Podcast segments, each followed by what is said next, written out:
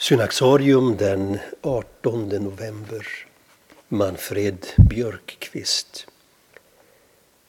Manfred Björkqvist, som 1909 var med och grundade ungkyrkorörelsen och 1942 blev Stockholms första biskop, är en av Svenska kyrkans mest färgstarka personligheter under 1900-talet. Hans andliga vision kom att starkt påverka godsägare Oskar Ekman och helhjärtat omfattas av denne.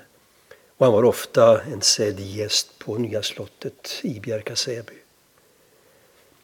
Manfred Björkqvist var född 1884 och växte upp i ett fromt prästhem i Gidio i Ångermanland. Grunden för hans andliga inriktning kom att läggas i den mycket levande församling där hans far verkade som kyrkoherde. Ett av de bärande inslagen i hans liv som kristen blev tidigt strävan att föra ut det kristna budskapet. Han kom att bli en stark förespråkare för mission och evangelisation. När Björkqvist 1902 började studera i Uppsala var det med avsikt att bli präst och missionär. Tankarna på prästvigning övergav han dock snart och hans engagemang kom alltmer att kanaliseras i kampen för en bred förnyelse bland lekmännen i kyrkan.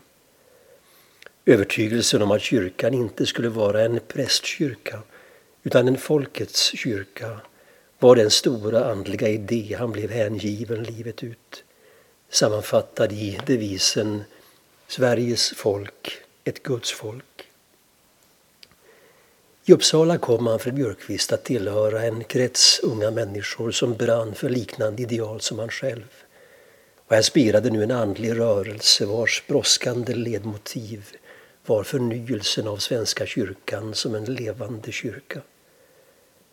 Under hösten 1908 började ungkyrkorörelsen hitta sina former och den 25-årige Manfred Björkqvist fick sitt genombrott som andlig ledare.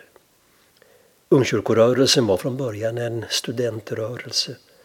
Den leddes av unga människor och dess målgrupp var framförallt den yngre generationen. Sitt centrum kom den att få i Sigtuna där Manfred Björkqvist tillsammans med sin vän godsägare Oskar Ekman på Bjärka Säby grundade Sigtuna stiftelsen.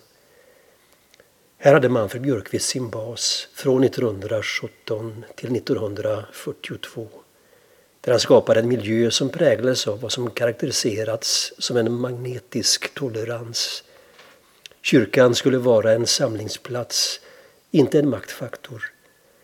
Vi söker inte förskansningar, vi söker förankring, löd en klassisk formulering av Björkqvist. När Manfred Björkqvist 1942 utnämndes till Stockholms stifts första biskop inleddes ett nytt skede i hans liv. Det ovanliga i sammanhanget var att han fortfarande var lekman. Den 6 oktober skedde prästvigningen i Sankta Maria kyrka i Sigtuna och den 29 november samma år biskopsvigningen. Manfred Björkqvist var biskop fram till 1954. Han dog i Sigtuna den 23 november 1985, 100 år fyllda.